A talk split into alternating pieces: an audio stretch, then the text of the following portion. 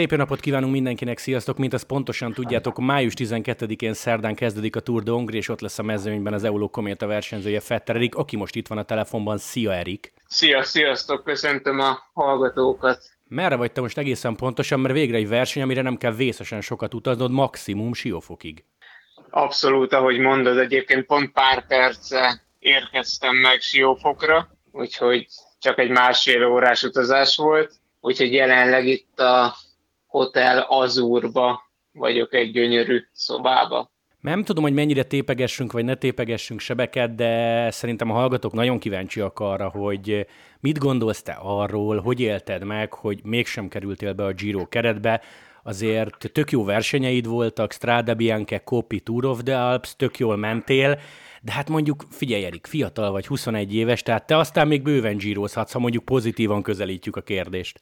Hát abszolút egyébként, ahogy mondod, még, még azért bőven van időm, van időm gyírozni, de hogy, hogy a kérdés első felére válaszoljak, hát egyébként kettős érzelmek vannak bennem, úgymond. Azért nyilván nagyon örülök annak is, hogy a Tour de Hungary-ra jöhettem, mint mondhatni főember. Szóval először úgymond a pályafutásom során egy profi csapatba meg fogom kapni a lehetőséget. Szóval ennek nyilván nagyon örülök, de ugye ott van a másik része, hogy az a másik dolog, ez egy Giro d'Italia, ami ugye, amit ugye nem kell senkinek bemutatni. Hogy őszinte legyek engem, hát kb. a balesetem óta a Giro d'Italia motivált, meg azt hajtott, hogy tényleg, tényleg olyan formában legyek, hogy még ilyen fiatalon is megmerje szúzni a vezetőség, hogy engem elindít. Egyébként elég sokáig, elég jó úton is haladtam, azt hiszem, e felé, de aztán, aztán volt pár így mélypontom, meg hasonló dolgok, aztán nem sikerültek annyira például a Koppél Bartali, és talán ott úgy elkezdett a vezetőség gondolkodni, hogy hát lehet, hogy mégse kockáztassuk meg ezt a Girot, de ezt egyébként csak én gondolom. Aztán hát egyébként pont a Koppi után minden így a feje tetejére állt, mert addig nem voltam túl jó, aztán onnan egyből elmentünk egy magaslati edzőtáborba, Sierra Nevada-ba, ott meg, ott meg hirtelen, hirtelen nagyon jól kezdtem menni, úgyhogy tényleg egyébként így meglepően így egyik napról a másikra így, így nagyon jó formában lettem, és így elkezdtek a dolgok nagyon jó irányba mozdulni, és onnantól jött még az Alpokkör is, ahol azt hiszem mondhatom, hogy azért elég, hogy viszonylag jól teljesítettem, főleg, hogyha azt nézzük, hogy hát nekem nem, a, nem az összetett volt a,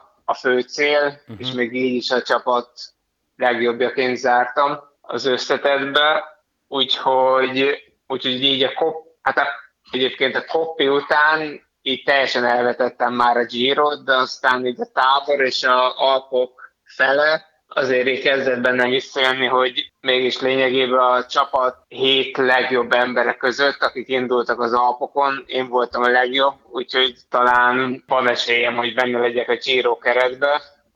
És egyébként még a verseny után olyan így visszajelzések jöttek, így a vezetőségtől, hogy én konkrétan már kezdtem biztos lenni benne, hogy hogy Giroz fogok menni. Aha, kicsit beleélted magad?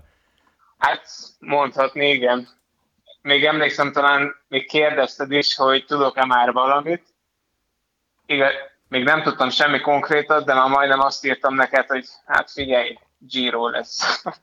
aztán, aztán egy napra rájött a, jött az értesítés, hogy akkor Tour de Hongrit megyek, mert hát talán azért döntött így a vezetőség, meg főleg azért, mert, mert nem lehet, hát ezt nehéz azt mondani, hogy túl jól mentem, de azért viszonylag jól mentem az Alpokon, és talán úgy látták, hogy hogyha mondjuk ezt még ki is pihenem, az edzőtábort és az, a Tour of the Alps-ot, akkor még jobb formában lehetek, és akkor egy egész jó eredményért mehetek a Tour de Hongrin, mint főember. Aztán Emellett ugye az is ott van, hogy én vagyok a legfiatalabb, szóval ez, ezt a kettőt összeveszve szerintem emiatt hozták meg ezt a döntést, hogy még nyilván lesz időm Giro menni, most meg olyan formában vagyok, hogy az eredményért tudok itt menni. Ez abszolút érthető. Erik, mondtad, hogy a kopi az nem úgy sikerült. Én emlékszem, hogy beszélgettünk akkoriban, és talán valami olyasmit írtál, de kiavítasz, ha nincs igazam, hogy túl edzettség jelei hasonlók. A kérdés az arra vonatkozna, hogy akkor lehet ebből tanulni jövőre? Hát abszolút, abszolút. De az a tényleg előjött? Azt így érzed utólag? Hú, hát akkor egyébként tényleg kezdtem úgy érezni, hogy talán túledzett vagyok, vagy valami ilyesmi, mert tényleg hetek óta nem igazán mentek az edzések, a lábaim, az izmaim folyamatosan nagyon fáradtak voltak, szóval így, így, így minden rossz volt kb. Tényleg ilyen szenvedés volt az edzés, hogyha így bármit csináltam, ezt egyébként a mai napig nem annyira tudom, hogy miért, és emellett még az is hozzá jön, hogy a súlyom se volt jó, szóval mondhatni túlsúlyos voltam és gyenge, ami... Hát ez mondjuk egy kerékpárosnál nem a legjobb. Hát nem, úgyhogy azok tényleg kemény hetek voltak, főleg így fejbe. Hát ebből biztos jövőre ebből nagyon profitálni fogok, úgy érzem. Akkor ez egy ilyen tanulság lehet egyébként, amit profiknál is hallunk, illetve úgy mondom profiknál, hogy nagy neveknél, három hetes menőknél, hogy pihenni is tudni kell? Hát egyébként, egyébként igen, de én azt annyira nem tudtam, mert így a, az edzőm annyira nem akart megpihentetni, pedig már én éreztem, hogy, hogy azért kéne. Úgy, hát én rendesen voltak napok, mikor hát volt, hogy mondtam az edzőmnek, hogy érzem, hogy kéne egy kis pihenő, mert nincs értelme folytatni az edzéseket, mert nem bírom megcsinálni százszázalékosan. De hát volt, hogy egyébként könnyebbített az edzésen, de úgy, úgy igazán nagyon nem pihentünk rá, aztán végül, végül még, mégis kijöttem ebből a gödörből, úgymond, egyből ott a magaslati edzőtáborba, amire hogy őszintén mondjam, én 0% esélyt adtam, hogy, hogyha még tengerszint közelébe is teljesen ramatyul érzem magam, még felmegyek magaslatra, hát én nekem ott végem lesz. Aztán kb. felmentem és elkezdtem repülni. Kb. hihetetlen. Akkor ez, akkor ez abszolút segített. Amúgy most súly rendben van, mert azt emlékszem, Marci is mesélte, hogy, hogy azért nagyon odafigyeltetek ott a, ott a táplálkozásra, és te is valami olyasmit mondta, hogy 3-4 kilóval voltál azt hiszem a versenysúly alatt? Igen, ja, nem, nem, nem a, hát nem a versenysúly alatt, a, mondjuk a Koppis vagy a Strade Bianchi súlyomhoz képest. És akkor ez mennyi volt, és most mennyi? Hát egyébként a Strádén voltam 76 kiló, és most vagyok 71 és 72 között. És akkor ez így, ez tuti, tehát ennyi kell, hogy legyél? Hát így a, így a múltból kiindulva, tavaly is olyan 70, tavaly olyan 72 voltam úgy, 72 fél, mondjuk úgy a Tour de Lane közelébe, úgyhogy nekem így a 72-71 a, a nyerő úgy látszik. Oké, okay, kanyarodjunk rá a Tour de Hongrie-ra. Mondtad, hogy eredményért jössz, meg gyakorlatilag egy sor érted fog menni. Te hogy bírod ezt? Bár lehet, hogy buta a kérdés, mivel nem sokszor fordult még veled elő, tehát a kérdés az arra vonatkozik, hogy Fetter Erik tud ilyen fiatalon egy Euló kométában csapatkapitán lenni, vagy mit tudom, felmeri emelni a hangját, ha olyan a szitu? Hát egyébként nem valószínű, hogy én fel fogom a hangomat emelni, nem, nem igazán vagyok olyan, meg egyébként nem ez, nem ez az egyetlen fő célja a csapatnak, szóval nem az van, hogy minden szakasz előtt leülünk és elmondják, hogy oké, okay, és akkor egész nap Erikért megyünk, hanem van egy sprinterünk is, szóval az ötből négy szakaszon rajta lesz a nyomás, úgymond, vagy hát ő lesz a főember. Ő Pacsóni egyébként? Igen, igen, a Pacsóni, és, és még a szökésekre is aktívan szeretne menni a csapat, szóval így nem az van, hogy így oké, okay, Erik itt minden szem rátszegül, hanem én vagyok az összetett ember. És nyilván a királyetapon én ezek a főember, a többiek nekem fognak segíteni. Nézzük meg egy kicsit a szakaszokat egyébként. Te mennyire vagy ilyen roadbook nézegető? Tehát ha most így quiz kérdésként belekérdezik, akkor tudod, hogy mikor, hol hegyi hajrá, vagy mindig aznap délután megnézed, és az elég? Hát így hegyi hajrák igazából, hogy hol vannak. Hát így, a fejemben úgy nagyjából megvan, hogyha így elképzelem rajtól a célig a, a szintrajzot, akkor nagyjából tudom, hogy melyik részén van a, a napnak a szint hegyi hajrá, de így, hogy hány kilométernél, meg hogy milyen, meg hogy hanyadik kategóriájú, arról igazából fogalmam sincs.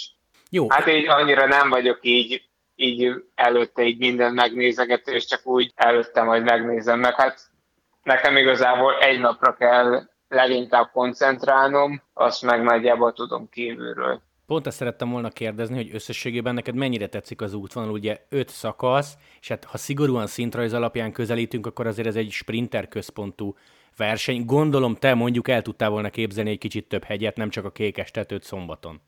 Hát egyébként pontosan, ahogy mondod, hogy azért el tudtam volna képzelni, mondjuk egy, megint mondjuk egy Esztergomi szakasznak, a dobogókön körözéssel, annak nagyon örültem volna, de egyébként így se rossz, mert mondjuk úgy, hogy legalább van kékestető, majdnem kétszer, azért ott ki lehet osztani különbséget, meg azért meg is lehet kapni, szóval, szóval itt nem a szerencsén fog múlni majd a dolog, hanem tényleg az erőn. Te mennyit jársz egyébként a kékes tetőre, vagy most egy picivel többet úgy, hogy lesz ez a szakasz a Tour de Hongrin? Hát alapból egyébként nem igazán járok, így hogy a Pilisben lakom, nekem eléggé kézenfekvő, hogy kilépek az ajtón, és egyből elindulok edzeni a, a Budapest környéki legjobb edzőutakon, úgyhogy emiatt kicsit szerencsés vagyok, úgyhogy hát egyébként most szombaton kimentem a Mátrába bejárni az emelkedőt, meg a lejtőt, meg amit csak tudtam. Egyébként ez nagyon jól jött, mert így jó volt fel, feleleveníteni, mert konkrétan a két évvel ezelőtti Tour de Hongrin voltam legutóbb, és hát így az emlékekből ott már eléggé szenvedtem, és úgy emlékeztem, hogy hogy Mátraházára a kékestető az utolsó három kilométer, az pokoli, nehéz és pokoli a meredek, de most, ahogy így mentem edzésen, így mondhatni iszonyat jó volt, vagy hát így nagyon... Hát vagy figyelj, tettek. figyelj, te vagy erős. Jól haladtam. Hát, Azt se zárjuk reméljük, ki. Reméljük. Vagy lehet csak azt éreztem, hogy felújították az utat. Na, ezt pont szerettem volna kérdezni, hogy milyen minőségű a, a, a felfelé, az, az rendben van? Tehát ha mondjuk egy World Tour csapat versenyzője ránéz, akkor azt mondja, hogy ez korrekt? Hát azért Mátraházáig annyira nem a legjobb, azért hát nem rossz, messze nem rossz, de közel sem olyan, mint Mátraháza és Kékestető között. Mert tényleg megcsináltak olyanra, hogy tükörsima aszfalt, gyönyörű új, egy hibát nem látsz rajta. Azelőtt azért, azért tudsz találni gödröket. Jó, akkor gyakorlatilag abban biztosak lehetünk, most nyilván itt a bukást, meg oldalszelet vegyük ki a képből, az összetett a kékes tetőn fog eldőlni, és akkor valószínűleg nyilván a budapesti körözést túl kell élni, de ott már nagyon nem fog változni az összetett, nem? Hát én szerintem nem. Én szerintem nem, mert ahogy néztem rajzlistát, hát így azért főleg a sprinter szakaszokra készültek a csapatok így versenyzőkkel, úgyhogy szerintem minden nap az lesz, ugye elengednek egy viszonylag egy viszonylag gyenge szökést, ugyanaz fog történni, minden ilyen versenyen, és akkor elkezdenek a nagy csapatok üldözni, pár kilométerrel a vége előtt megfújjuk őket, és akkor sprint. Vagy hát én remélem, hogy így lesz, és akkor mondjuk csak a sprint szakaszok utolsó 20-30 kilométerre lesz lesz nehéz, aztán meglátjuk igazából, lehet tényleg bejöhet az oldalszél, ahogy néztem, az időjárás se lesz a legjobb, és ezek mind csak nehezítő tényezők, szóval, szóval igazából bármi lehet, nagyon résen kell lenni, meg amit mondtál, hogy a bukás, azzal is nagyon figyelni kell, úgyhogy végig, végig elő kell majd helyezkedni. Te mit szeretsz egyébként inkább jobban? Legyen 25 fok és napsütés, jó, megint lehet, hogy hülye a kérdés, mert elég kevés versenyző szokta azt válaszolni, hogy a három fokot meg az esőt szeretem, de hogy például te, te, te bírod azt is, hogyha egész nap szakad? Még a mountain bike-os korszakomban emlékszem, hogy egyébként nagyon szerettem az ilyen időt, hogy saros, esős, kifejezetten jól mentem benne, de amióta úgymond országút is vagyok, talán egy kicsit el is kényelmesedtem annyira nem csípem, szóval inkább a jó időt választanám. Azért mindig a, ez az esős, rossz idő, ez mindig egy kis mocera így az egész, nem csak a verseny, hanem előtte, utána, ruhák, cipők, minden csoron víz lesz, nem annyira jó. Úgyhogy inkább a jó időt választanám. Ha minden igaz, lesztek 12 magyarok a mezőnyben, ott van a válogatott is, a Tour de Hongrin. Ki neked, most ugye Marci nincs, ki neked egyébként a, a legjobb haverod azok közül, magyarok közül, akik, akik most indulnak? Vagy edzéstárs esetleg? Hát edzéstárs, hát nem nagyon tudnék mondani, de azt alapból nem nagyon tudnék mondani, mert legtöbbször egyedül edzek, úgyhogy hát Filutás Viktort mondanám. Akkor van ez a Walter Filutás Fetter háromszög? Hát egyébként talán mondhatni.